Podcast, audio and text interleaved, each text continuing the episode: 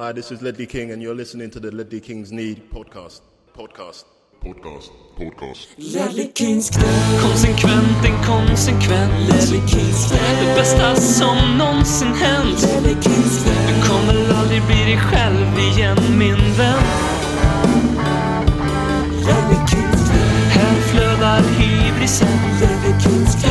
När vi poddar på nytt igen Ledley Kings knä. Du kommer aldrig bli dig själv igen min vän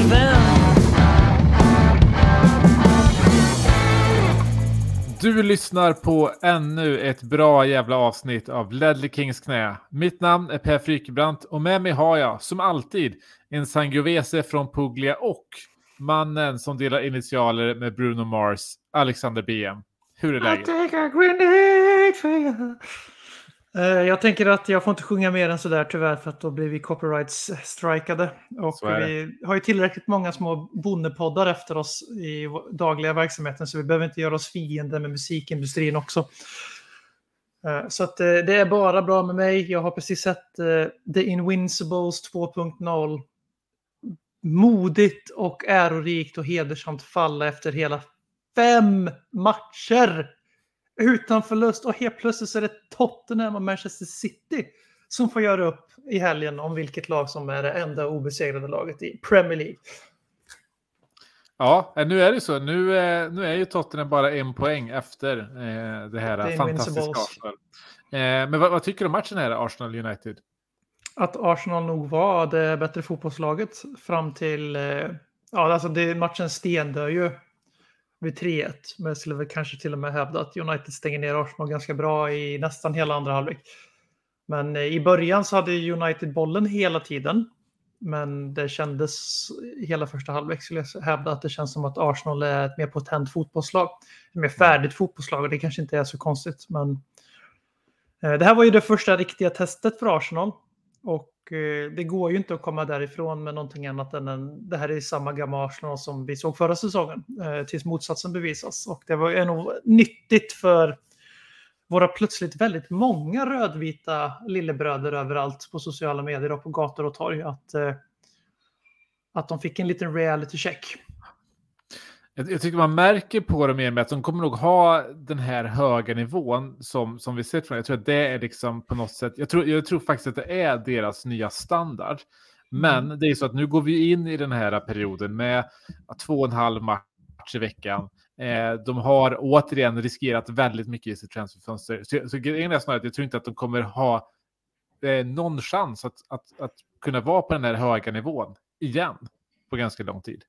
Eh, så de hade nog behövt en på liten trepoängare här. Ja, Ja, precis. De hade Sirius på torsdag, medan uh, vad, vad är det för cup man spelar på torsdagar? Uh, Svenska cupen. Intertoto. Jag kan, inte, jag kan inte hålla koll på de där små, små kupperna. Jag, jag har ingen Den aning. men jo, men det är ju cupvinnarcupen såklart. De vann ju faktiskt Ja. en FA-cupen där heta. Ja, måste, måste, vara- måste vara något sånt.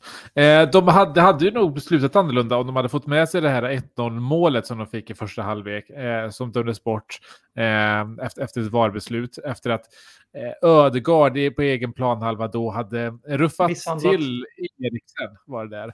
Eh, och det är ju ett av många ganska tvivelaktiga VAR-beslut den här helgen. Eh, det allra mest tvivelaktiga är väl det bortdömda, den bortdömda kvittering som, som West Ham hade i slutsekunderna mot Chelsea efter en, ja, vad, ska- vad ska vi kalla det egentligen?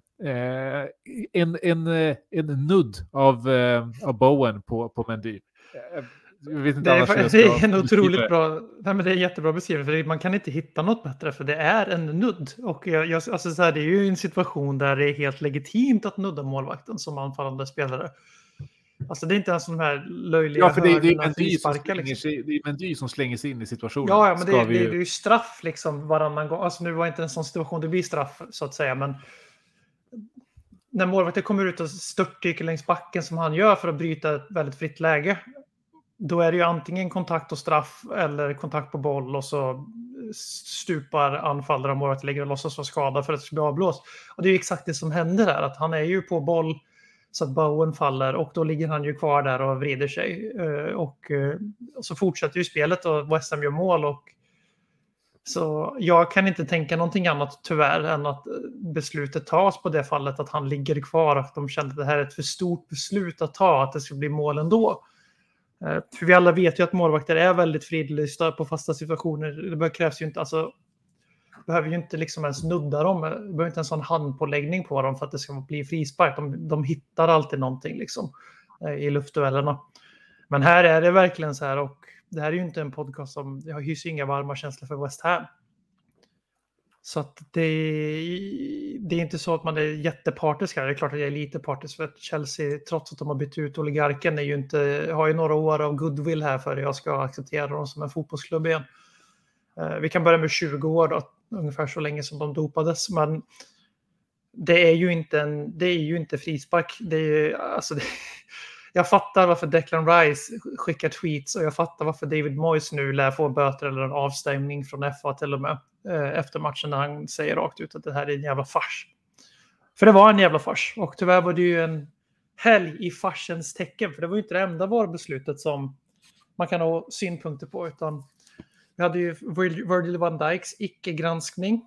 Eh, Vi hade väldigt många eh, offside, alltså var offsides som, ja, absolut, för att citera en känd reklam, så är det offside så är det.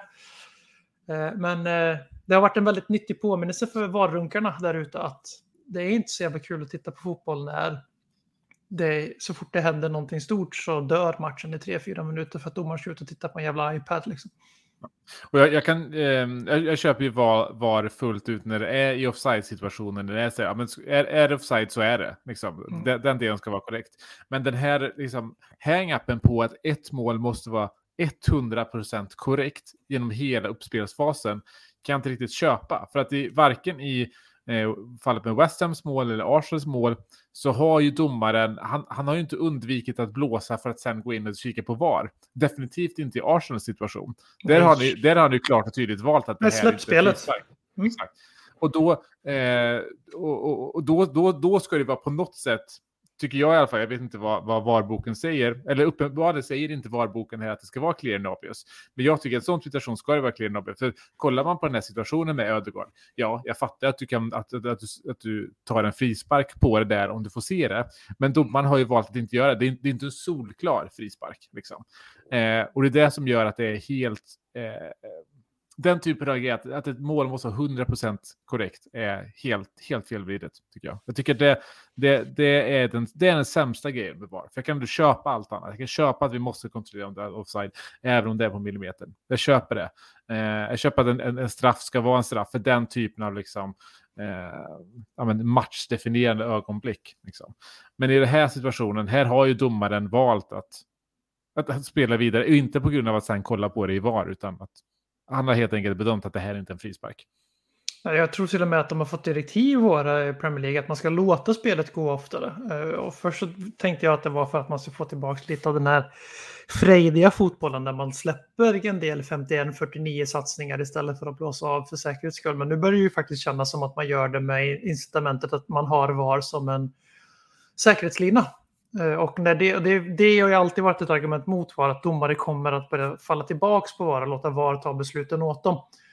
Eh, och på så sätt, eh, ja, alltså undermedvetet, medvetet, vem vet, men liksom att man till exempel, för det går inte ens att ta de här Bowen och Ödegaard situationerna som du, som du säger, för det är inga sådana situationer alls. Men en- ta någon vanlig jävla straff eller inte straff, liksom, där domaren inte tar beslutet för att se om var, sen säger du, det här var clear and obvious, det får du gå tillbaka och kolla på.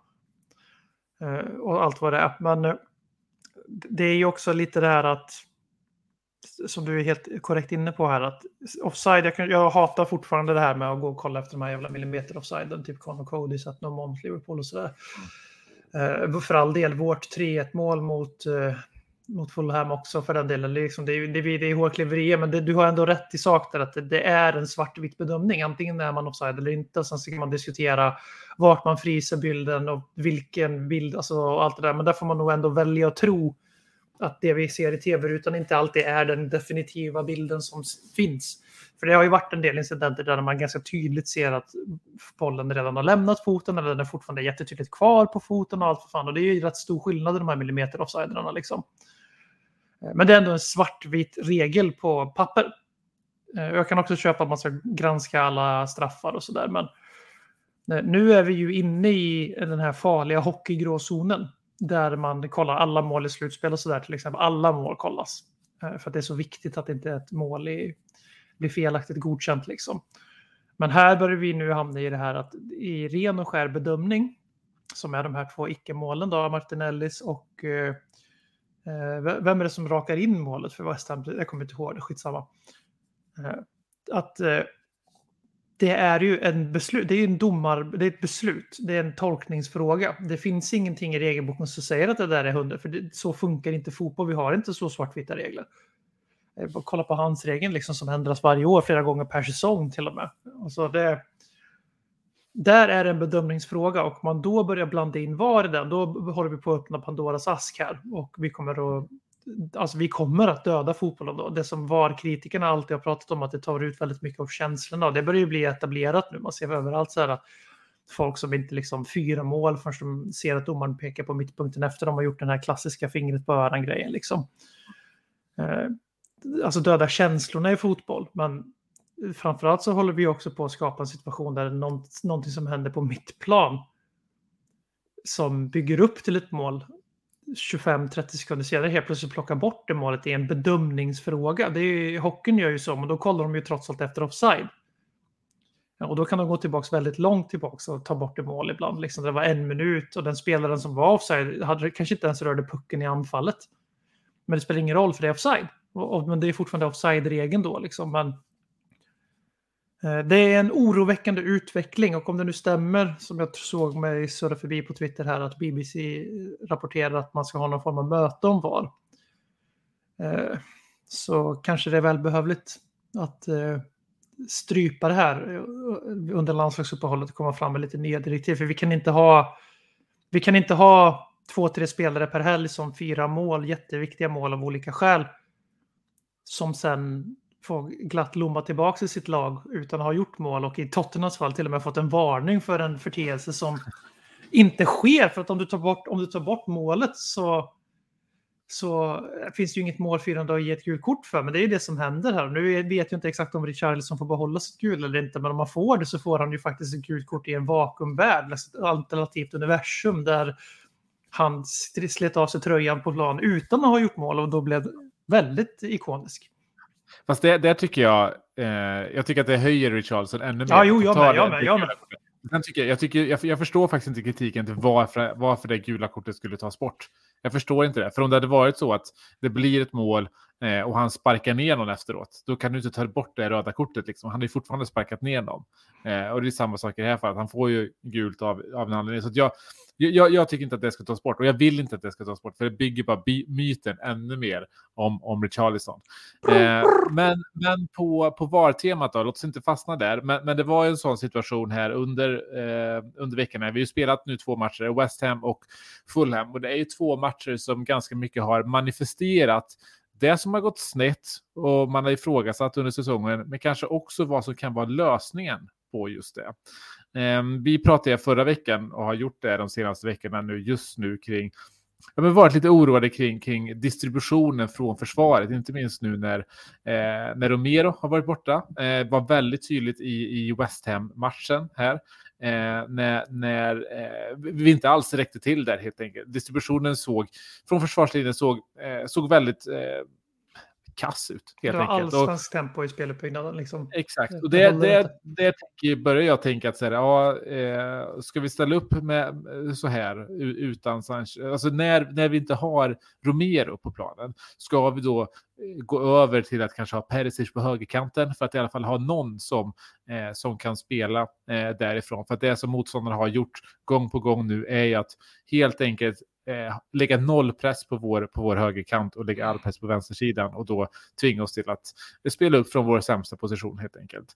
Eh, och med, med det sagt så, jag menar 1-1, väldigt onödigt resultat. 1-1 målet är ju, eh,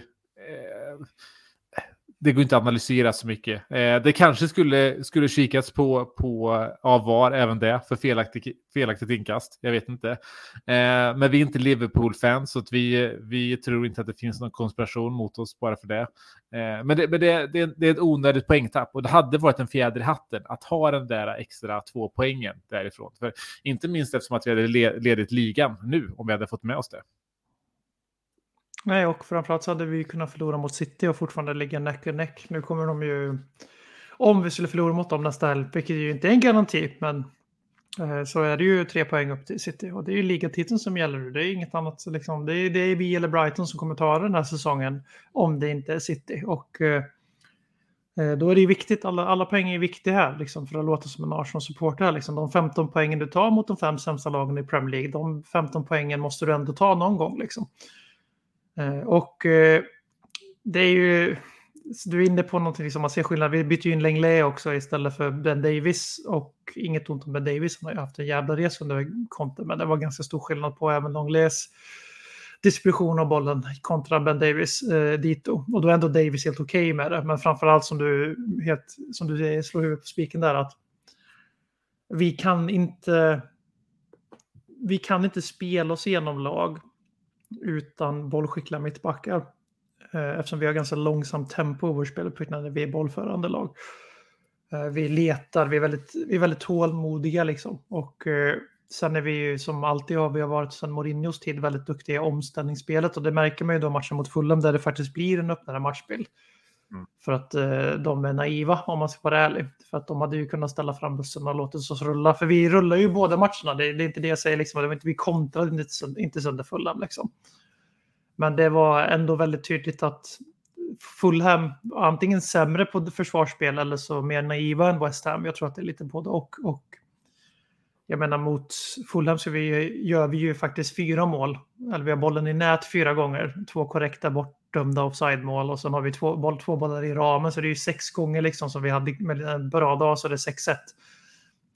Eh, så att, eh, och skillnaden i laget, alltså visst man kan diskutera, ja vi spelar Sesson John istället för Perisic, men det är snarare en försvagning enligt mig, trots Sesson Johns väldigt fina sista halvtimme mot Fulham.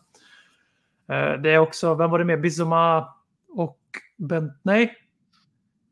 Det var Bentancur var tillbaka. Bentancur, ja, ja, Bentancur var tillbaka såklart, det var det jag menade. Och, men han är ju inte, alltså han är ju väldigt nyttig i vårt spel, väldigt nyttig. Han går ju ofta ner och hjälper backlinjen. Eh, Alltså Höjbjerg har ju blivit den offensiva mittfältaren så att säga.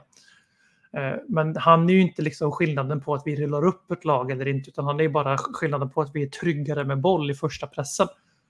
Så att eh, det är ju, och sen visst du kan hävda Richarlison istället för Dejan, men det är ju också så här hårfint om vi blir bättre eller sämre. Och eh, det är ju de två mittbackarna som är förändringen och vi är, ser ju mycket, mycket bättre ut. Och jag tror inte att vi kommer att se jättemånga av första matchen, eller vad man ska säga, den prioriterade matchen den veckan, så har jag svårt att se att vi kommer starta med en annan mittbackstrio Eh, i de matcherna så att säga. Till exempel att vi mot City kommer att spela med de tre och att vi mot Marseille kommer förmodligen inte spela med de tre utan att då kommer nog både Davis och eh, Sanchez in i laget igen, kanske. Det vet man ju aldrig, men liksom det, det, det, det är väldigt viktigt för oss att ha bolltrygga mittbackar och det är väldigt viktigt för oss att ha framförallt Christian Romero. Eftersom att han inte bara är bättre med bollen än sin rival utan han är också en offensivt begåvad mittback. Eh, Tar mycket löpningar och eh, står faktiskt ganska ofta på bra ställen i boxen. Och för bara den saken att han är i boxen. Vi fick ju tyvärr inte se en long lay till Romero cross i mot Fulham. Men- Men, eh, alltså jag håller, vad gäller där, den här trebackslinjen och de spelarna här, att de ska vara våra, vårt första val. Jag hoppas ju verkligen det. Jag hoppas att vi kommer dit. Longley såg ju oerhört bra ut. Eh, Mm. Ser man de egenskaperna han visar upp, han är ju, vad gäller bolldistribution, är han ju, om inte den bästa, så en av de bästa mittbackarna i ligan på just det. Ja, men, det yes. men, men det har vi ju vetat att han ska vara. Det är, liksom, Mm. det, det är ju enda anledningen till varför vi har tagit in, för vi vet att ja. Det är han i alla fall bra på. Eh, det han är sämre på är ju liksom de defensiva, reaktiva eh, bitarna av, av försvarsspelet. Alltså när, eh, när du står lite på hälarna, när du har ett city mot dig till exempel. Eh, och därför är jag lite osäker på om, om i City-matchen här till exempel att han kommer starta. Eh, Ja, nej, men det var mest en placeholder-exempel liksom. Just För- den för- matchen håller jag med. Men, men, men jag, jag, jag vill ju att det ska komma dit, att han startar där. För jag, jag tror att det, det är inte en slump att vi sätter in bättre bolldistributör i backlinjen och det helt plötsligt ser mycket bättre ut. Med tanke på att det är det som har varit vår stora utmaning den här säsongen. Eh, så, så jag hoppas verkligen det, det framåt. Eh, och jag, jag, man börjar, man börjar se nu när, när, när de här nya spelarna kommer in. Vi fick ju se en, en första start från, från Bissouma, det första start från Olé. Bissouma var väl, så, fick kanske en av de sämre mittfältsprestationerna vi sett i Tottenham på, ja, jag vet inte, ja, väldigt länge i alla fall. Eh, han såg ut att ha dragit på sig, ja, förmodligen samma hjärnskakning som, som var anledningen till varför Bentancur fick stå vid sin linje. För han, han var inte med för fem öre, Bissouma. Och Conte var ju ganska kritisk efter matchen också. Eh, kring att han, eller kritisk, han var ganska ärlig snarare. Alltså, och sa rakt ut att men Bissoma är, han är inte på Höjbjer och Bentancurs nivå än. Nej, och det är ju nyttigt att veta för han var ju dominant i Brighton. Och eh, eh en värvning som på av sportsliga skäl är ju väldigt, väldigt välbehövlig. Men det var faktiskt ganska tydligt i hans debut att han just nu inte är på den nivån. Och framförallt så tycker jag att vi fick se en spelare som försöker forcera.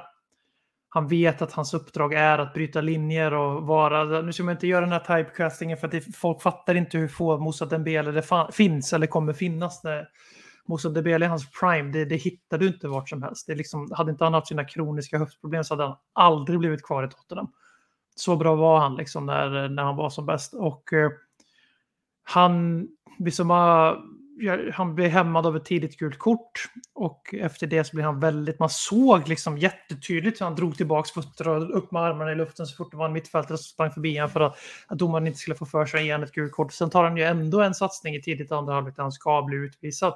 Där han räddas av att domaren vet med sig att han var en paragrafryttare på det första gula. Han ska ju ha gult för den studs up-tacklingen där på, det var på Bowen tror jag. Men eh, han eh, kommer ju växa in i det såklart. Han, jag har jättesvårt att se någon som har varit så bra i Premier League som han har varit i ett lag som spelar en väldigt possessionorienterad possession-orienterad fotboll, väldigt progressiv fotboll, samma speluppställning som vi i stort. Att han inte skulle passa in i Tottenham, det har jag jättesvårt att se. Eh, men eh, det var inte den mest lovande av debuter och det var ganska skönt att Bentancourt återhämtade sig från sin hjärnskakning väldigt, väldigt fort. För att det blev en väldigt tydlig skillnad i, även på mittfältet när han var tillbaka eftersom att Höjbjer kan då vara den här Danmark Höjbjer, liksom, där han har en box-to-box-roll snarare medan Bentancur är sexan eller vad man ska kalla det. Och eh, Höjbjer har ju många styrkor, han växer ju verkligen, alltså verkligen växer. Eh, Men han är ju inte en virtuos med bollen, även om han är duktig på passningsspelet. Han har ofta, ofta hö- höga passningsprocent och sådär. Men det får man ju gärna när man rullar bollen 2-3 meter i olika riktningar. Liksom. Så det, det var skönt att få tillbaka Bentancur, men det var också kul att se när Richarlison fick sin första start. Att eh, han behövde däremot, han, han har ju gjort lika många inhopp som Bissoma, fast betydligt längre såklart, men han behövde ju ingen acklimatiseringsperiod. Vi hade ju lite kul i våra chattgrupper här när han gör assisten där till målet och eh, Eh, vi konstaterar då att den som spelar till höger, alltså framför eller jämte Emerson Royal, de blir alltid poängkungar medan där på vänsterkanten där går det lite tyngre för Son i år. Och det går ju inte att dra någon annan slutsats än att Emerson Royal är världens bästa hockeyassist wingback. Ja, men lite så. Det är ju, det, alltså, det är ju någonting. Det är ju, det är ju, det är ju en, eh, vad ska vi säga, vad är motsatsen till förbannelse? Men det är i alla fall det som vilar. över- Välsignelse. välsignelse som vilar över den som, eh, den vilar över Emerson helt enkelt.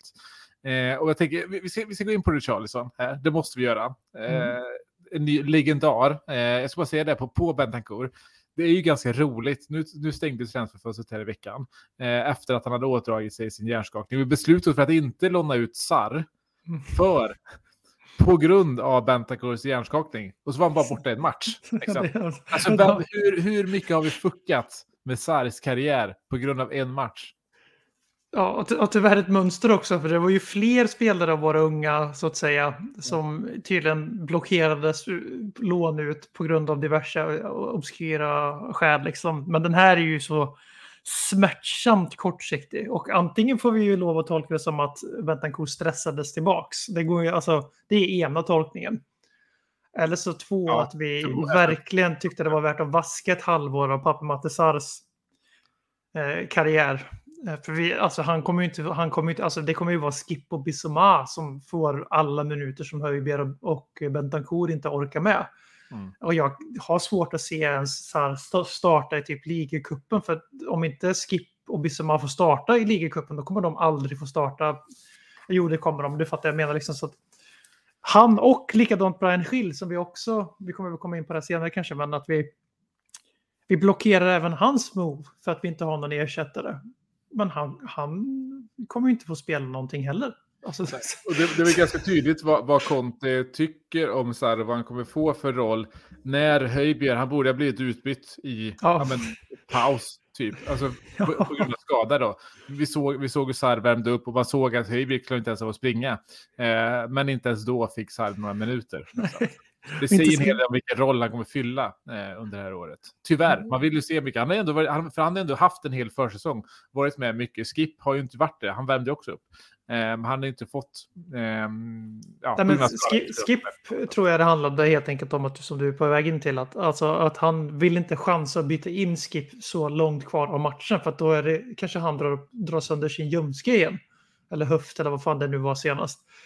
Eh, Och nej, det var ju innan den här freak accident som det var nu på foten. Men skitsamma, liksom att, och det förstår jag Conte för att det, så han, det var ju tydligt att de övervägde det här bytet. Mm. Men eh, väljer att inte göra det. Och i Skips fall så tror jag att det är för tidigt i matchen. Eh, Och sen så på grund av att vi går ner oss väldigt mycket i andra halvlek och West Ham mäter upp eh, oss och tar över matchen så vågar han inte byta ut Höjberg. Men sen har vi också Mm. den här parodiska incidenten när efter tio minuter i andra halvlek så upptäcker Höjberg att hans, hela hans jävla sko har gått så, alltså den är i två delar. Och sen går han och byter sko och sen efter det så slutade han i stort sett att halta och halka och slå dåliga passningar. Så jag, då gick jag ju ifrån att tänka han spelar ju med en fuckad fotled, han är ju borta till VM nu. Till att tänka, är han så dum så att han inte fattar, märker att skon är helt paj? Och det var därför han halkade på. Han, han gjorde ju till och med bytetecken med Höjberg. Det här är ju inte något, han vill ju aldrig bli ut, han spelar ju varenda minut under Mourinhos hela säsong. Alltså varenda minut. Eh, Och eh, det, jag, skrattade ganska gott åt det där, liksom, just när han inser att hans sko är helt paj. Och sen efter det så hade han inga symptom längre. Det var en situation när man ser att han inser att det är skon det är fel på. Liksom. Och, och, och man bara här, liksom, han bytte och liksom direkt, det kändes bra. Han liksom tecknade, tecknade mot bänken. Eh, väldigt rolig situation. Eh, men det är ju, eh, även nu i fulla matchen då, man ser Bentancur var en av de bättre på planen. Och för jag tänker, en, en annan talande grej de, de, de senaste matcherna, eller första fem egentligen, är att vårt mittfält har blivit ganska utspelat av motståndarnas. Eh, och eh, det har ju egentligen inte att göra så mycket med att, att eh, eh, Bentancur och Höjbjerg har varit så himla underlägsna, utan det har ju att göra med att våra ytterbackar har legat alldeles för långt ner. För är du ett 3-4-3, då ska det också vara, då behöver det vara ett 3-4-3. Men det som vi oftast blir, är att eftersom vi är ett 5-3-2, eller 5-4-1 kanske snarare i Snarare. försvar, så Ja. kommer vi inte upp ur blocken eh, tillräckligt. Det har vi inte gjort de första fyra, fem matcherna här. Och då, blir, då har vi helt enkelt ett, ja, vad ska man säga, ett 5, ja men då, blir- då Fem, blir det två, ett tre. 5-2-3 eh, eh, upplägg helt enkelt. Och då är det inte så konstigt att de blir utspelade. Och det såg också mycket bättre ut nu under Fulham-matchen där. Eh, och en som då såg väldigt, väldigt fin ut är ju Richarlison som följer upp de här eh, väldigt lovande inhoppen med att vara minst lika bra när han får spela från, från start. Eh, och eh, det är ju ett rån att han inte får det där målet från, eh, och då menar jag inte offside-målet utan mer den här träffen i stolpen från, Mm. eh, från Sons assist där. Eh, när han gör den där cykelsparken. Alltså vilket, vilket sätt att kröna sina första fem matcher på.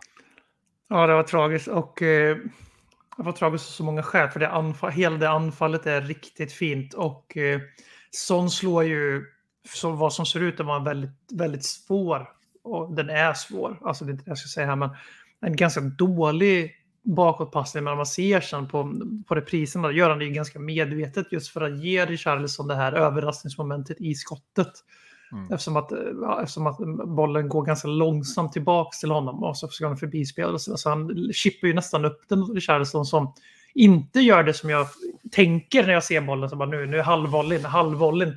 Utan nej, han hoppar upp i luften och liksom...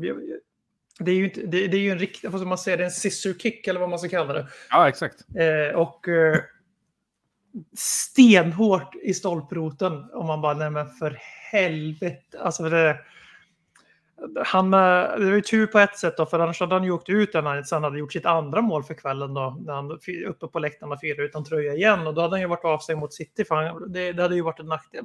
Det hade också varit väldigt fint. Och det bästa man kan säga om honom är att det är en väldigt argentinsk tingad fotbollsförening i England med en ganska lång historia av att vara pionjärer inom just Argentina kopplat till Spurs med Ardiles och Villa Rivia. Och eh, han har ganska snabbt gjort det här eh, Argentina-lösa Tottenham till ett brasse-Tottenham. Och det är ju inte för att han har två landsmän med sig i laget, för de, de två landsmän han har är ju truppens mest bespottade spelare. Utan det är ju helt och hållet Richarlison-faktorn överallt. Och tror det eller ej alltså, men det finns ganska många supportrar till andra lag där ute som på allvar hävdar att han är en medioker spelare. Eh, killen som gjorde 10 plus 5 i Frank Lampard och Rafa Benitez Everton som är en Dele Alli magisk halvlek ifrån att åka ur Premier League.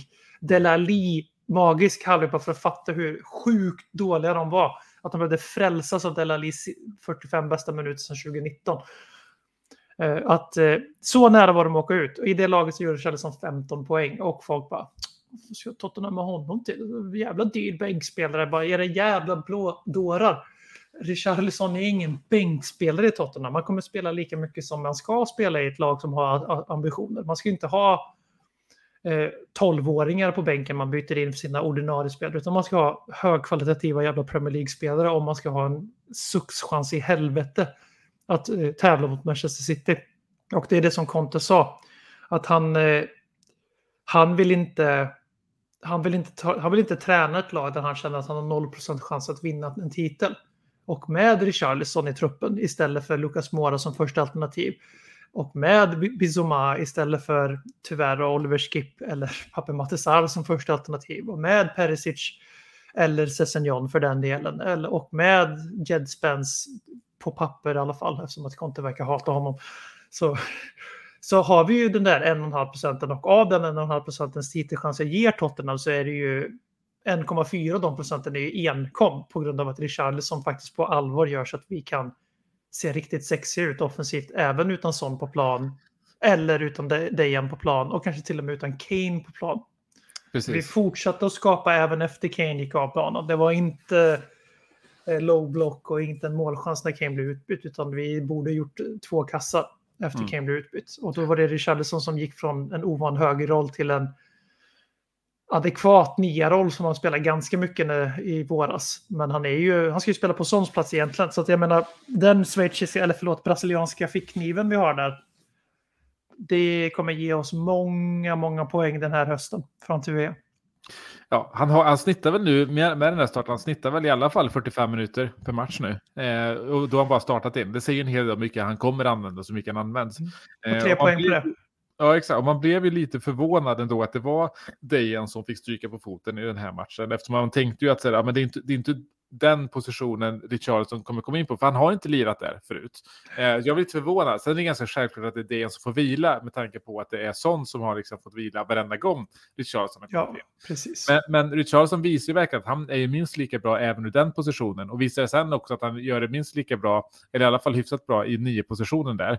Eh, och på den nivån han ligger här, att en så bra spelare som Dejan har varit den här säsongen blir petad, petad blir han inte, men han blir ersatt och vi ser nästan ännu bättre ut.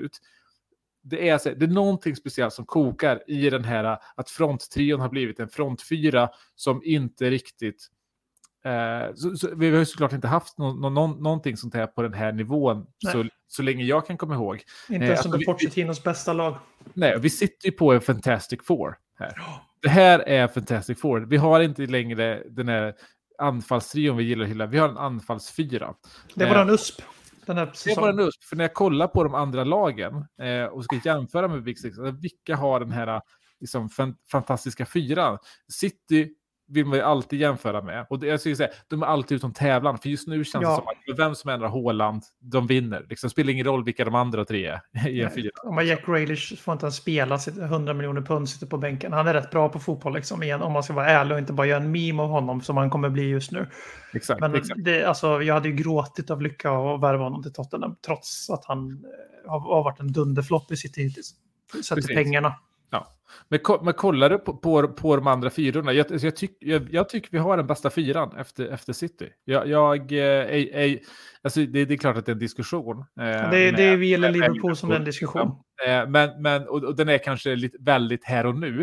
Eh, det, det, det är klart att eh, det, det kan ändras under en säsong och det kanske, man kanske inte hade dragit samma analys i, i våras. Men här och nu tycker jag att vi har den bästa fyran. Och det är ju verkligen vår, vår USP i ligan framåt nu. Nej, jag tycker inte du har något fel där. Alltså, det är bara att kolla på siffrorna sen Dejan Kulusevski blev ordinarie. Då är det Premier Leagues mest målrika trea och Richarlison har kommit in och eh, just nu då, tyvärr ersatt Sons poäng. Men är, man måste vara väldigt naiv om man tror att Son går från att vinna skytteligan i maj till att inte kunna spela fotboll i augusti. September är det nu tekniskt sett. Eh, det är klart att han, att han kommer att hitta tillbaks och Eh, sen kanske han inte kommer att göra flest mål i Tottenham för nu är Harry Kane tillbaks på riktigt. Så och vi har en inte Harry, fyra istället för en tvåa. ja, och Harry Kane ska ju vara målskytten. Han är ju Pre- Premier Leagues bästa målskytt genom alla tider, sett i målsnitt liksom. Eh, Agüero har han ju gått om i antal mål, så därför kan man gömma sig bakom det också. För det är egentligen de två det handlar om. För Cole, Rooney och eh, Sherry var inte i närheten av samma målsnitt som Harry Kane. Mm. Eh, Så att det är liksom... Det är klart som fan att han, att Son kanske inte gör 23 ligamål igen. Men det är inte, han ska inte heller göra 23 utan han ska ju vara på 15 och Richarlison och Dejan ska tillsammans stå för 15 i teorin. Och då pratar vi ändå om en point per game-spelare i stort sett i Dejan Kulusevski sen han kom till Premier League och någon som jag, som jag har sagt några gånger nu gjorde 15 poäng i Everton förra året och har gjort minst, fem, alltså minst 10 i ligan varje säsong i Everton förutom en tror jag. Så att liksom det här är ju... Det är våran konkurrensfördel och ja, absolut, det finns starka argument för Liverpools fyra på papper, men den måste också leverera med Darwin Nunes istället för Sadio Mané. Eh, för Luis Diaz är en väldigt, väldigt, väldigt, väldigt bra fotbollsspelare, men han gör inte poäng i samma utsträckning som Dejan Kulusevski. Eh, Mo Salah är Premier Leagues bästa spelare i konkurrens med Kevin De Bruyne och eh, han har inte varit det den här säsongen och vi kan ju liksom inte sitta här och gardera oss med tre års rullande mönster var, varje take vi har utan det, just nu är det den bästa fyran. Eh, om, vi, om vi låtsas att eh, bara är värd en plats eftersom det jävla psykfallet. eh, ja, tänk att det fanns folk här som trodde att Haaland var en lite, alltså inte en bluff, men att han var lite, lite, lite osäker kort. Alltså Premier League bias och anglofili och Premier League-runk i sitt finest att sitta och skriva av en snubbe som gjorde 86 mål på 89 matcher för Dortmund. Ja, alltså, jag så här, oavsett hur högt man håller Haaland, ingen kan ju ha trott att han skulle göra, vad, vad har han nu, Nej, inte 10 10 mål? i- mål på, 10 alltså två mål i mål per match. Det är ju... Det är så här, ingen har kunnat tro det. Jag, Nej, jag tror att han lite, lite, lite eh, trög start. Han har ju Jag tänkte, jag tänkte att han kanske skulle få nöja sig med 25 mål i Premier League, Nej. vilket är en jättehedersam... han, den psykfallet kommer ju, han kommer ju, han kommer ju ta med fan göra sina... Han Han kommer gör göra 40. Alltså, jag, ska bara, jag, ska bara snabbt, jag ska bara snabbt kolla vad, vad han har för expected goals. Haaland då alltså. Ja, 6,40. Så det, det, är inte ens, alltså det är ju en överprestation, men det är ju en överprestation i kaliber med Kane och Son varje säsong, förutom den här säsongen då, hittills för Son. Så att det går inte ens att hävda det, liksom, att han är på en hot streak, utan här, han kommer ju, han kommer ju vara uppe och nosa på 40. Långa poddar, långa poddar, långa poddar om Spurs. Ja, eh, men förra veckan snackade vi mycket om att det är mycket som händer nu. Det var transferfönster som stängde, det var dubbla matcher i veckan och eh, veckan som kommer och veckorna som kommer blir ju inte mindre. Eh, nu redan på onsdag så går Tottenham återigen in i Champions League nu efter tre, två, två års uppehåll är det väl. Eh, det blir Marseille. Det är ett eh, eh, mini North London Derby, får vi väl ändå säga. De har, eh, vad har de nu? De har Tavares, eh, de har Guendouzi, Kolasinac, eh, Alexis Sanchez. Eh, jag glömmer någon. Gör jag inte det? Det är de fyra jag kan på rak arm, men det är ju tillräckligt många. Ja, Jag menar, det är nästan halva startelvan. Ja, eh, det, det, det är en, en påse Arsenal Rejects helt enkelt som vi har att göra med. Men med det sagt, eh, så måste jag bryta in här och säga att till och med deras andra lag är sämre än Tottenhams andra lag. För vårt andra lag är som alla vet Besiktas och alla som kan fotboll vet att Besiktas är en titan i jämförelse med det här lilla druvgänget från södra Frankrike som aldrig åstadkommit någonting i fotboll. Gud ja, gud ja. Eh, men tro, trots då att eh, Marseille var i pott fyra eh, i lottningen, var de väl, om jag inte minns fel. Lär de ha varit i alla fall. Eh, så är de i mitt tycke faktiskt det bästa laget i gruppen förutom Tottenham. Jag, jag, jag tror att Marseille eh, kommer tvåa i den här gruppen efter oss. Eh, Frankfurt eh, är ju, de, de vann ju visserligen Europa League, men de, de, vad, kom de i ligan i fjol? Eh, 12, 11 eller 12. Har börjat ungefär likadant, tappat ganska mycket. Eh, Marseille däremot kom tvåa i ligan i fjol, väl. Ligger tvåa nu, eh, har ju fyllt på oerhört eh, i, i, i truppen. Eh, och, och som sagt har, har börjat ligan också ganska starkt. De är, de är också obesegrade, precis som vi. Eh, och eh, jag ser det, tredje laget, då, det, det, det är Sporting. Och de är ju ett, ett Sporting också lite på nedåtgående, får man säga. Sporting har tappat, vad tror jag, fem, sex stycken ur startelvan, någonting. Varav de flesta har gått i Premier League. Eh, så ehm, Marseille är ju det stora hotet. Eh, och jag får väl säga att det är...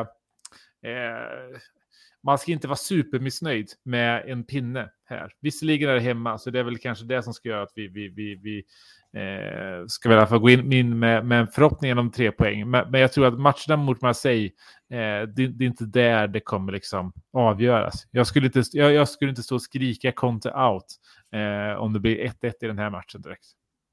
Nej, sen är det ju så här, det är, klart, det är klart som fan vi ska slå Marseille hemma och det är klart som fan vi ska vinna den här gruppen egentligen. Men Conte har ju ett track record som inte är direkt svallande i Europa.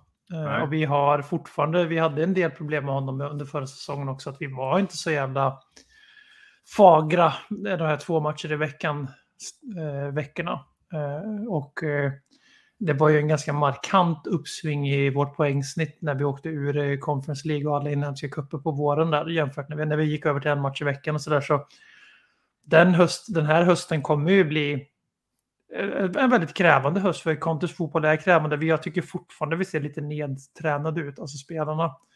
Förhoppningen är, förhoppningsvis är ju det just för att vi ska orka den här infernaliska hösten fram till Qatar. Eh, men eh, det är klart att det finns farhågor. Eh, Och vi ska också komma ihåg att för alla tre lagen i gruppen så är Tottenham away den stora dagen. Liksom det är det som är matchen med stort M i gruppspelet för dem. Eh, Mm. Det det, vet, det, det, du, vet du vem det är det allra mest för i den här gruppen? för alla, vilka det är allra Vilka mest för. spelare som allra mest tycker att Tottenham Away är den stora matchen? Eh, vad, spelar... nej, det vad han... Sporting. Spelare i Sporting? Marcus Edwards. Ja, ja, för helvete. Ja, det är tur vi inte Ja. har Pochettino kvar som tränare. Då Ja, ja. Fem mål och så hade han lagt upp någon tweet, typ North London is eh, Marcus Edward eller något.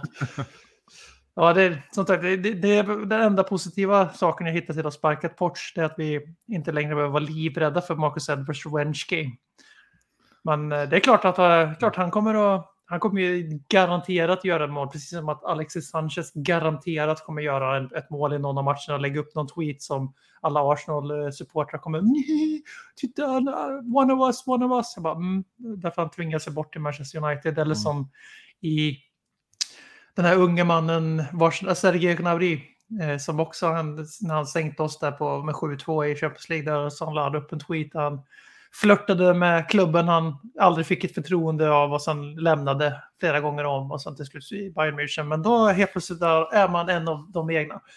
Eh, Och det är synd då att vårt farmarlag Besiktas eh, inte är med i någon Europacup i år, så vitt jag vet. För då hade vi kunnat vänta in när, Delali gjorde mål på Arsenal i Conference League Mm. sen när Arsenal ramlat ur gruppspelet i Europa League.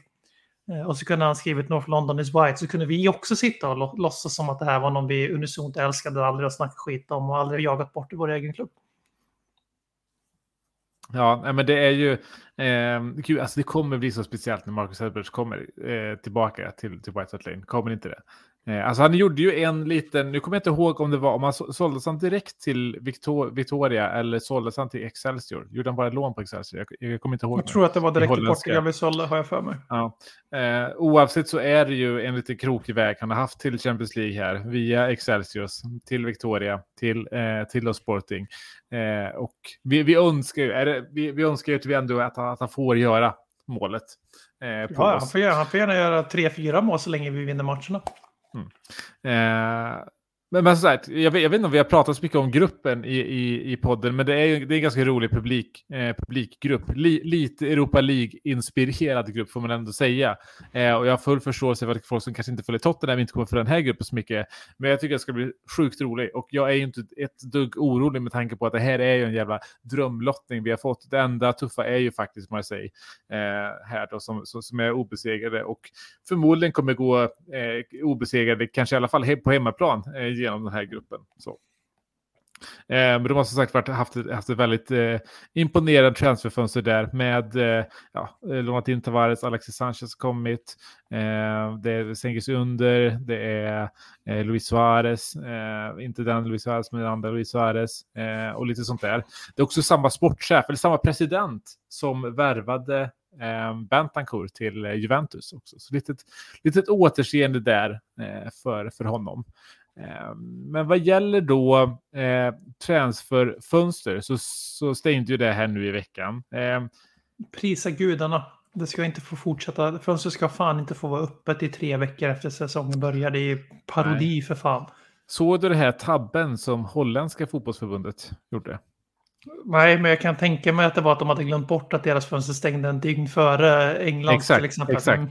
De, de ville stänga det samtidigt och hade bara då bara eh, skickat in till Uefa att Nej, men vi kommer stänga sista augusti. Eh, och så insåg de det då en vecka innan och försökte få det här ändrat och Uefa ja, godtog ju inte det såklart. Eh, vilket gjorde ju att det, det var några försök på Ajax-spelare sista, sista dygnet där, men de kunde inte sälja någon eh, eftersom att de inte kunde ta in någon där helt enkelt. Eh, Fina Eredivisie då. Ja, och Ajax är nog ganska glada över det här misstaget ändå, får man nog ändå säga. Alltså det är ju ett lag där eh, de hade, den sista veckan hade de väl tre spelare som strejkade eh, från Mm. träning, till exempel. Vilket Bland annat Mohamed Kudus för att få gå till Everton. Exakt. Jag menar, det, det säger en hel del. Eh, det, och det, är- det, det är inte någonting man är van vid eh, att, att se från, från Ajax-läger. Kanske ändå att de förtjänar lite med tanke på hur de agerade i hela Steven Bergwijn-affären ändå. Eh, så det är lite, li, lite karma för dem där. Eh, men vad gäller transfer, Vet du hur många mål Antoni gjorde i Eredivisie förra året? eh, jag, ty- jag, jag, jag, vet- jag, jag, jag, jag tror att jag gjorde 12 poäng. Han gjorde, han gjorde åtta mål tror jag det är. Jag kommer Ja. inte ihåg, jag drar från höften. Och vet du hur många Bergstjärn har gjort på fem matcher? Inte ens fem starter. Jag är ändå uppe på lika Han har många. gjort Eller? sex mål på fem starter. Ja. Eller på fem matcher har han gjort sex mål. Ja. Nej, men jag kommer att, ihåg att eh, jag vet, för jag vet att Anthony gjorde 12 poäng i fjol och att Jesper Karlsson gjorde 30. Mm. Eh, och Jesper Karlsson hittar inte en klubb att gå till och Anthony gick för en miljard till Manchester United. Eh, Och han, han är säkert jättebra, men det är bara lite kul att jag, jag hoppas innerligt att eh, vi har en vidare försäljningsklausul på Bergwijn när ETH kommer nästa sommar. Det måste vi ha. Det måste vi ha. Eh, men, men, Gärna på typ 40 procent eftersom de är på att snåla sig igenom hela sommaren för att komma upp med de här jävla 20 miljoner eurona vi- det till slut blev för honom.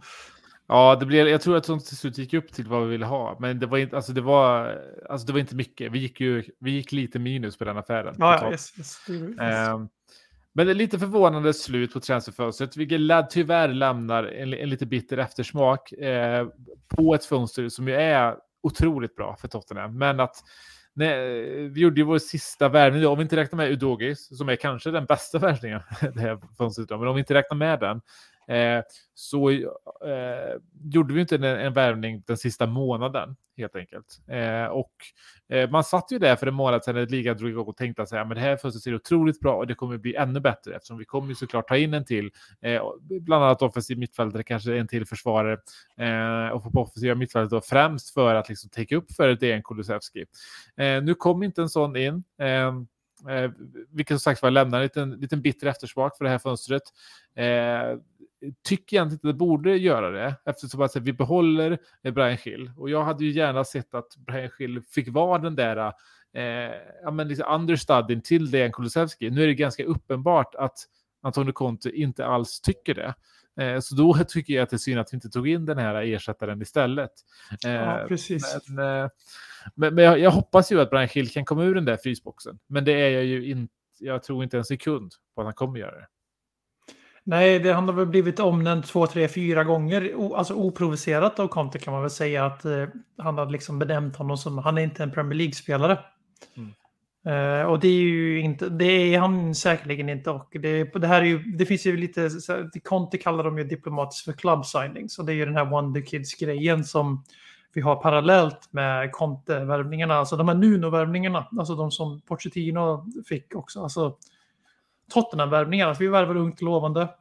Sen Paratici kom in så har vi ju fått lite mer, alltså vad ska man säga, mycket mer spännande sådana värvningar. För nu ser vi ingen skugga väl för Divine, för den killen, om han lyckas hålla sig skadefri en kvart, så han var ju en sån. Vi tog han från konkursboet Wigan liksom för en struntsumma och han är ju extremt lovande. För kanske den mest lovande vi har och då var ändå Dane Scarlett och eh, James Donley och för all del guden själv, Troy Parrott. Men, eh, och det är liksom, nu är det de spelarna vi tagit in i det facket nu. Det är ju, vi tog, även, vi tog i och för sig in någon ung engelsman här, 17-åring från Sheffield United sista veckan, men det Ja, räknas ju inte. Lancashire. Mm. Eh, Och sen Ja, Ja, han, han spelade i Arsenal för ett år sedan. Blev Mm. mm. uppsagd därifrån. Mm. Sen har vi Keely också vi plockade in från St. Pats på Irland. Eh, och eh, så, så liksom, vi, vi gör ju fortfarande så. Det är, inget, det är inte ens konstigt. Det är skillnaden nu är att det, att det annonseras på officiella Twitterkontot även när vi värvar för U19-laget. Liksom. Men Brian Hill och Pape Matisar för den delen, liksom, det är ju högt, högt hållna talanger var det. Eh, än så länge har det väl inte sett jättelovande ut. Eh, men om Brian Hill skulle få de minuterna som Lucas Mora får exempelvis så tror jag vi skulle få betydligt mycket mer avkastning på det, både på sikt och kortsiktigt eftersom att jag tror att Brian Hill är en han har ett högre tak än vad Lucas Mora har. Det, det tror jag de flesta är rörande överens om. Men hans största problem förutom fysiken det är att han verkligen är en, han är ju en relik i den moderna fotbollen. Han är ju en vänsterkantspelare som är vänsterfotad. Eh, Och jag menar på Fifa är det ju skitlätt att slänga in han till höger och styra honom själv och så är han hur bra som helst. Men om han i verkligheten inte riktigt har de instinkterna då, då, då är han ju väldigt malplacerad. Vi kan inte ha någon som tredje alternativ bakom Sonny Richarlison till vänster. Och sen har Lukas Mora som enda alternativ till Dejan Kulusevski. Liksom. Så det där är väl lite tunna. Om Conte, som du tror och jag också tror, väljer att inte använda eller Schill. Och det känns ju också som att Jaffe Tanganga är bara en Tottenham-spelare idag. För att vi inte fick loss Sabarni från Dynamo Kiev till exempel. Som han gick ut och bekräftade här, som jag såg det i, i dagarna, att han hade fått bud från Chelsea. Som klubben tackade nej till. Så det är oklart om vi la ett bud då. Mm. Eh, Men det är så liksom du, du är rätt på det där. Att vi värvade färdigt före försäsongen precis som Conte ville ha det. Det kommer nog vara ganska mycket värt. Men det gör också att när den sista storyn, den stora jag, klickjagaren sista dagarna är Daniel fucking James som sen går till Fulham, men han var inte övertygad om att han ville gå till Spurs. Eh, Det lämnar ju liksom så här, nästan tragikomisk touch på ett väldigt bra fönster där Paratici fortsätter med sina framtidsvärvningar i Udugi som jag tror kan bli, alltså det snackar vi, där snackar vi förhoppningsvis Perisic ersättare för jag börjar bli ganska skeptisk till att Sessignon och kroppen för att vara en första alternativ i Premier League. Ja. Nej, men att, att, eh, den, att Destiny Dogi är vår start vänster wingback nästa säsong är ju inte en högoddsare. Om två säsonger är det nog nästan pengarna är- tillbaks på ja, det- insatsen. liksom. Exakt, exakt. Eh, men oavsett vad man tycker om, om, om eftersmak eller inte så är det ganska tydligt att Conte är nöjd. Och en sak som vi ser nu som vi definitivt inte ser, såg för sex månader sedan, för jag tror att det var, jag tror att det nästan är sex månaders dagen eh, för Burnley-matchen, när Conte mer eller mindre sa upp sig på, på, på presskonferensen. Det Conte pratar om nu är ju liksom en långsiktighet. Fan vilket halvår det har varit. Eller hur? Eller hur? Nu pratar han om att säga, nej men det här, man ska komma ihåg att det kommer ta två fönster till tills jag har fått mitt lag, som vi har ett lag som vi kan utmana. Det här, är ju, det här fönstret har ju blivit en helomvändning hos Antonio Conte. Ja, Eh, verkligen. Jag är ju ganska säker på att det kommer komma ett nytt Conte-kontrakt inom den närmsta månaden ändå. Eh, på grund Jag tror av även att Har- Harry Kane kommer skriva på ett nytt kontrakt. För, om, om Conte skriver på ett nytt, då skriver Kane på ett nytt. Exakt, exakt. Och det enda som är då lite synd, för när vi satt där för en månad sedan och började snacka, och, och snacka om transferfönstret inför säsongen så, så var ju Tottenham vinnaren eh, utav det. Gans, ganska tydligt tyckte jag då. Nu sitter man här och nu är ju inte Tottenham vinnaren får jag väl säga. Om, om vi på något sätt ska rangordna vinnare och förlorare så är ju Nottingham är ju utom, de är utom tävlan. Eh, Det går att inte, de- det, de är ju både vinnare och förlorare, för de har värvat så många Exakt. så att vissa kommer flyga och vissa kommer göra tokflopp. Det är liksom det är en blev hel det, ny trupp. Vad blev det till slut? 21 värvningar? Mm. Ja, ja, det, det är inte seriöst. Eh, men nu är det så, precis som med liksom, den fantastiska fyran, City vinner oavsett. Den som, vin, den som har Haaland den har vunnit transferfönstret. Och sen så har de byggt på eh, ännu mer där bak. Liksom. Och så med Ehm, Phillips. Som Ars- glömmer bort liksom. Precis, precis. Eh, Arsenal, eh, Bra fönster. li, lite samma sak som Tottenham, tar ju nästa kliv med sitt, med, med sitt fönster. Men det, den här risken de gör nu, den är, dum, den är dumdristig tror jag. De, de bettar ju ganska mycket på att de kommer kunna rotera väldigt ordentligt i Europa League, antar jag. Eh, och det kommer de nog säkert kunna. Men problemet nu är ju att när de får några, några skador som de nu har fått, de har ju eh, Partey är borta en månad, ehm, eh, vi har eh, eh, El Nenny borta flera månader. Eh, Liknande. Och då, då, när de här skadorna kommer, då kan du inte rotera på samma sätt längre. Eh, så att jag, jag, jag tror att de återigen har skjutit sig lite där i foten, för det var ju faktiskt deras transferfönster i januari som kostade en Champions League-platsen. Eh, jag tror att det på samma sätt kommer kosta dem en hel del poäng även nu. Eh, United såklart. Räddar upp sitt fönster sista veckorna. Annars var det ju katastrof. Verkligen, verkligen. Eh, Chelsea ska vi inte ens gå in och prata om, för det är, en, det är liksom en Nottingham egen Forest. entitet. Exakt. Sen så kan jag väl tycka att säga, sådana som man, man, man liksom bärsade lite inför säsongen är så, så ganska tydliga nedflyttningskandidater som till exempel Leeds. Tycker jag bevisar att deras, eh, att de säljer Rafinha, de säljer Phillips. Eh, de här spelarna som de tog in, jag tyckte det var kanske li- lite för ungt och lite för spännande för att kunna hänga kvar. Eh, de har ju visat där att ja, de har blivit två spelare mot sex, sju spelare som alla ändå är med och på något sätt bidrar. Mm. Eh, jag tycker det är ett väldigt spännande eh, truppbygge. Och jag tycker att Everton är, har ett lite underskattat truppbygge just nu. De räddar också upp fönstret i slutet när de får in Mm. både när de får in Guay och eh, vad var det mer de tog in här i slutet? Eh, Neil Mopay som ju visar att han är Mm, just- ja, lika ja, dålig ja, ja, jo, är jo, men just det, för dem, det är bara för, bara för, för kontrastens skull. För att de har ju tills motsatsen bevisat sig Anthony Gordon och Andrews Townsend den här säsongen efter Bale. Du vet när han fick Mm. Bale-rollen av AVB och såg asspännande ut och faktiskt gjorde en hel del mål i början och sen bara dog. Självklart är Anthony Gordon en större talang än vad Andrews Townsend var. Men det är fortfarande den bilden jag får tills jag ser något annat. Och han spelade ju alltså nia fram till Mapays debut här i, i Merseyside-derbyt där han, han ska göra tre mål och han gör noll. Och det är Neil Mapay. Det är därför att Graham Potter går ut och säger nej men det var bra av oss att inte värva en ersättare.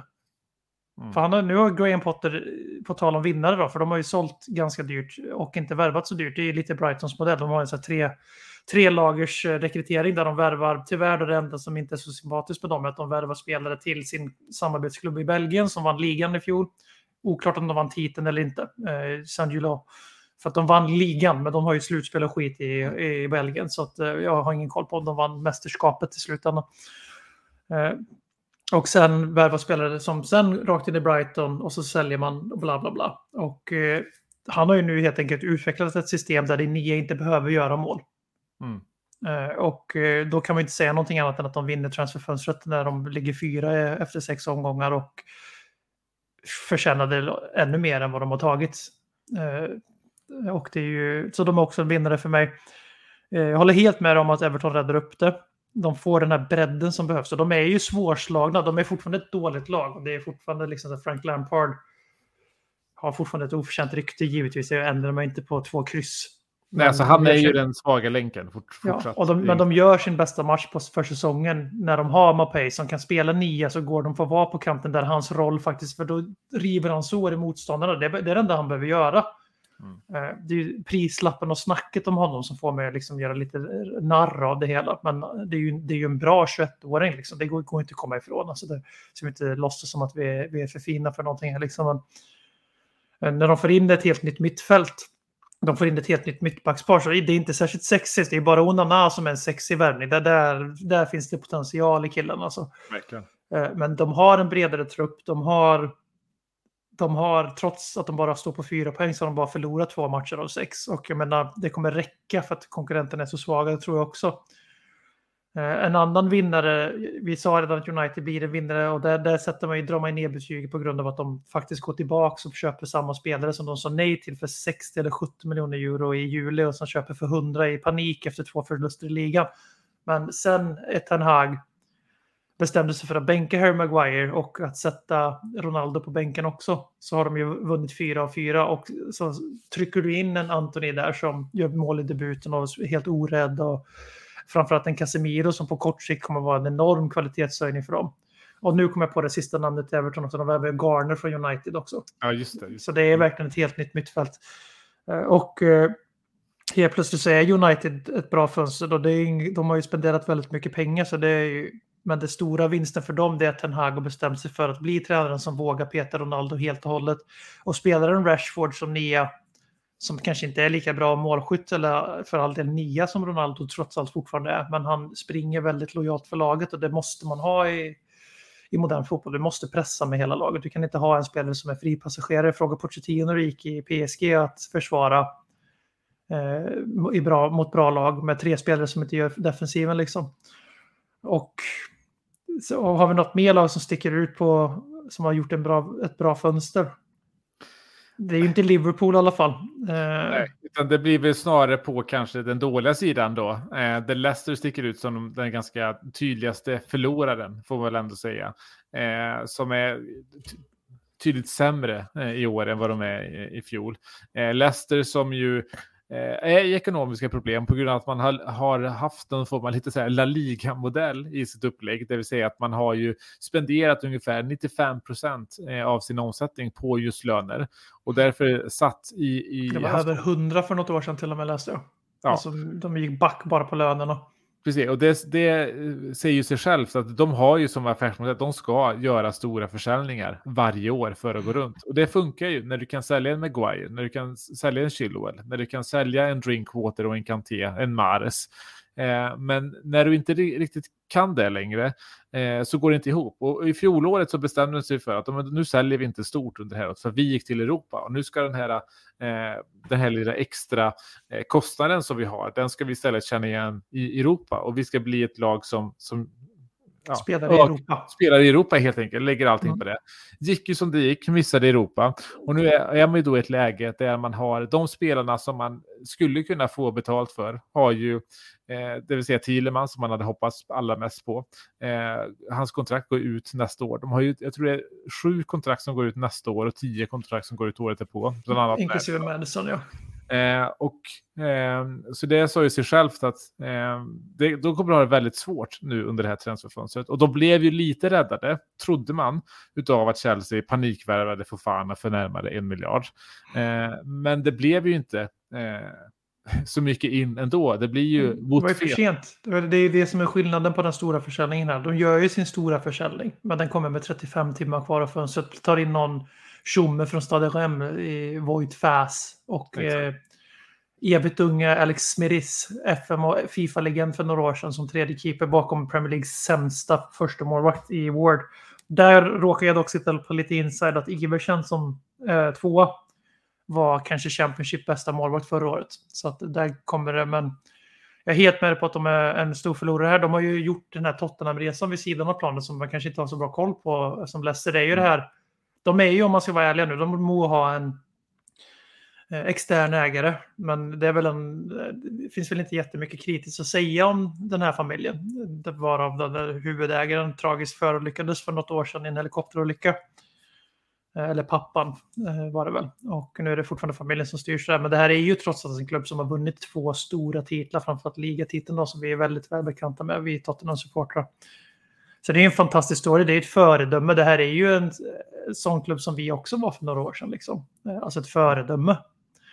Och de har byggt vid sidan om allt det här och så har de ju byggt upp en helt sprillans träningsanläggning i paritet med våran och de andra stora drakarna i England. Eh, bättre än Uniteds faciliteter till exempel. Och det har lett till att de har legat över det här FFP-taket i England, hur mycket man får gå med back. Det var 120 miljoner pund de gick back då sist. Men som du helt korrekt säger i början, det är inte de här 120 miljonerna, för det har de redan fått dispens för på grund av att det var covid och att det var, insats, det var satsningar i infrastruktur. För det får, du får gå back om, du, om det är så du går back. Liksom. Att du, får, du, får, du får försöka göra din klubb större. Men du får inte samtidigt ha, som du var inne på, liksom att din eh, wage turnover är större än din intäkt. Det var det Everton brottades med så länge i fönstret att de kunde inte värva särskilt mycket för att de har ju exakt samma sits och plus ett ännu värre budgetunderskott då, sett i FFP. Eh, men i Leicesters fall, som är kanske inte så relevant i Evertons fall, så är det så att Leicester har ju ambitioner att spela i Europa. Och de hade mycket rimligtvis kanske blivit nekade en biljett till Europa om de hade kvalificerat sig under nuvarande budget eh, på grund av eh, FFP-reglerna i Uefa. Så de var tvungna att göra det här. Eh, Men det som är verkligen dödsstöten för deras, för deras fönster är ju ett av tio. Alltså det är, det är klart det är det. Han säljer sin bästa spelare mot sin vilja med 35 timmar kvar och kan inte ersätta. Nu är säkert den här Fess från Rennes skitduktig. Men eh, det som verkligen dödar dem är att de har ju tagit in en ny sportchef eller vad man ska kalla det från SA-15 men han har de inte släppt den. De gjorde samma sak som Brighton gjorde med eh, han som jag tappat Ashcroft. Jag har tappat namnet på honom hela tiden för. Mm. Ashcroft. Mm. Viktigt till. Ja, och man där liksom sätter honom på garden leave då, så att han kan inte börja förrän fönstret. Alltså, han kommer ju börja sitt jobb nu efter fönstret för att Southampton såklart inte vill att Leicester ska vara inne och sno exakt samma spelare som de vill ha. Eh, och eh, det har ju lett till att för, för det förra säsongen när de gjorde en stor investering, jag tror de värvade för 60 miljoner eh, netto, alltså gick back 60 miljoner netto, det är mycket för Leicester. Mm. Väldigt mycket för Leicester. De gjorde ju som du säger, de gjorde allt rätt efter ligatiteln istället för att få hybris. Förutom första säsongen då de skulle spela Champions League första gången i sin historia. Då, då satsade de lite grann som visade sig ganska kortsiktigt och dåligt. Hade de ju tre halvdana år och sen kom de ju tillbaka och blev legitima igen. Vinner FA-cupen och var, borde gått till Champions League två år i rad. Mm. Ja, verkligen. Eh, på den här modellen, alltså Tottenham-modellen, vi känner igen den själva. Jag säger bara Modric, Carrick, Berbatov, Keane, Bale. Så förstår ni att det, den här modellen är ingen nyskapande, men den är väldigt eh, hedersam. Liksom, att man inser man måste sälja för att klättra på sikt. Brighton gör det just nu också. Men det som hände då var förra året att då tog Brendan Rodgers in sin polare som han hade haft i Celtic som eh, sportchef.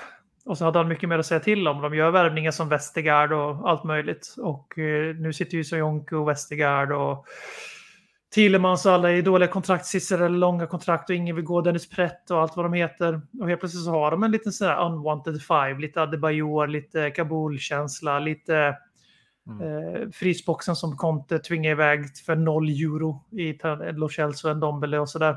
Men vi, de får inte iväg dem.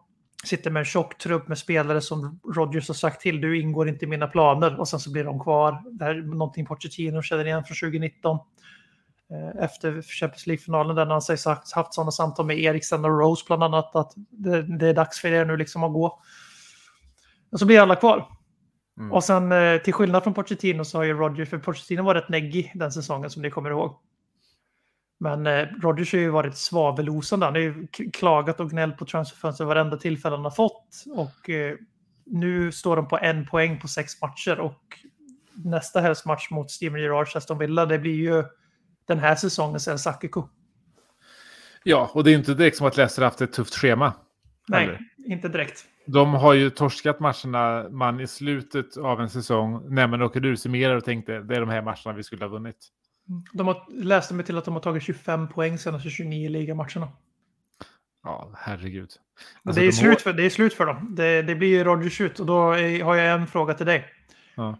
Eh, Jag tror att det blir att både Gerard och Rogers kommer få lämna sina jobb den här säsongen, precis som det blev i förra årets El Sacico mellan Nuno och Ole. Däremot jag är jag övertygad om att en av dem får gå vid förlust nästa helg oavsett, kanske till och med före i Rogers fall. Men det är ju att när jobbet blir ledigt, har de attraktionskraft nog att locka Maurizio Pochettino tillbaka till brittiska öarna? Eh, Leicester har ju absolut inte det. Eh, men, men, jag, men jag tror ändå att Aston Villa kan ha det. Eh, just med tanke på att de, de, de, de är ju en ambitiös klubb. Alltså, Gerard har ju fått mandat för att investera i den truppen. Det är bara det han, han har gjort det helt fel. Så det, jag, tror att, jag tror att det är ett ganska attraktivt erbjudande för en sån som Mauricio Po- Pochettino. Eh, sen kan jag väl tycka att den typen av klubbar, det är klart, i och för sig, Aston Villa är väl eh, bra för där kommer du liksom Kommer du sjua gång på gång, ja men då har du gjort det bra till exempel. Det hade varit en, en annan sak om det hade varit West Ham typ, som det snackas mycket om vad gäller Graham Potter, att han borde ta över West Ham. Det är så här, nej men du kan bara förlora med West Ham, för att ditt, bäst, ditt tak där är sjua. Eh, kanske, liksom, kanske sexa. De är, men- ju, de är ju vid sitt tak nu så att säga. och Det är Exakt. ju inte Villa. Exakt. Eh, och, det, och det är klart att eh, Pochettino, ja, tar han några sjundeplatser i Villa, ja, men då, då har han gjort det bra, då har han ändå bevisat sig. Eh, så eh, med, med det sagt tror jag att eh, Villa skulle ha attraktionskraften. Leicester har ju inte attraktionskraften för någon. Jag tror inte heller det. Jag inte Eh, heller det. jag svårt att se vem de skulle kunna ta. Det är ju en Scott Parker faktiskt. Eh, som i och för sig har fick ju kicken för att ha gjort exakt samma sak som det Brendan Rodgers har gjort nu. Så det kanske vi talar emot det då. Eh, men det är väl, Sean Dyche. Ja, Sean Dyche eh, måste, men han måste ju vara, eh, det måste, han måste gå till Bournemouth nu. Alltså det måste ju vara honom de vill åt nu. Ja. Jag, jag, jag, jag- tror inte de hade agerat så snabbt på Parker om de inte hade känt att vi, vi tar, vi, vi tar Dyche. Nej, jag tror inte. Jag tror som du. Jag tror att eh, om det blir England så blir det Everton eller Aston Villa för. För, för de är, Leicester har redan varit uppe och vänt ganska högt. Och eh, ja, de påminner ganska mycket om Tottenham gjorde. Var Tottenham var någonstans när Pochettino kom in där. Men då var Pochettino, hade inte han, då hade inte han varit i Champions League-final med Tottenham. Han hade inte tränat PSG. Så jag vet inte fan, men eh, det är i alla fall önskenamnet på många rävars läppar. Så vi får väl se. Det kan, kanske finns en anledning att återkomma till det här. Det kanske blir en liten Leicester-podd här till hösten. Det kan Eller bli, för all del en Willa-podd. det, fin, det finns många lag som vi har under luppen. Det är Leicester, det är Villa, det är Everton. Eh, det är, vi, vi försöker täcka allting helt enkelt. Det är typ alla förutom Big Six va? Ja, det, det, det är fan det. Eh, det borde bli lite Portsmouth faktiskt. Eh, Scarlets två mål för Portsmouth här. Eh, imponerar, göra. Så det, det finns många lag vi ska trycka in i den här podden. Eh, nästa gång ska vi bland annat trycka in Marseille och City. Eh, så det händer en hel del även denna vecka. Eh, för jag tycker att vi, vi rundar väl av så eh, och tackar för oss. Eh, vi återkommer eh, nästa vecka med sex nya poäng. Och kom ihåg, gå och rösta. Vallokalerna stänger eh, klockan, ja vad blir det? Vilken- tid stänger de på söndagen efter? Är det klockan åtta de stänger? Jag tror det, men om ni vill vara säkra så förtidsröstar ni ju givetvis. Eh, Och jag måste vara seriös för en sekund i den här podden, så det är klart att ni ska ta er demokratiska skyldighet och möjlighet att gå och rösta. Eh, Och rösta på det ni anser vara bäst för Sverige som helhet, är det enda jag säger. Så att vi inte får massa politiska, sluta prata politik-stämplar. Och med det sagt så säger jag att tack för mig och eh, nu ska jag gå och kolla på Besiktas och deras extremt politiska ultras som bland annat var med och protesterade mot Erdogan 2013. Och eh, vill bara ha det sagt att politik är fotboll, fotboll är politik. Puss! Ciao! Konsekvent, inkonsekvent Det bästa som någonsin hänt Du kommer aldrig bli dig själv igen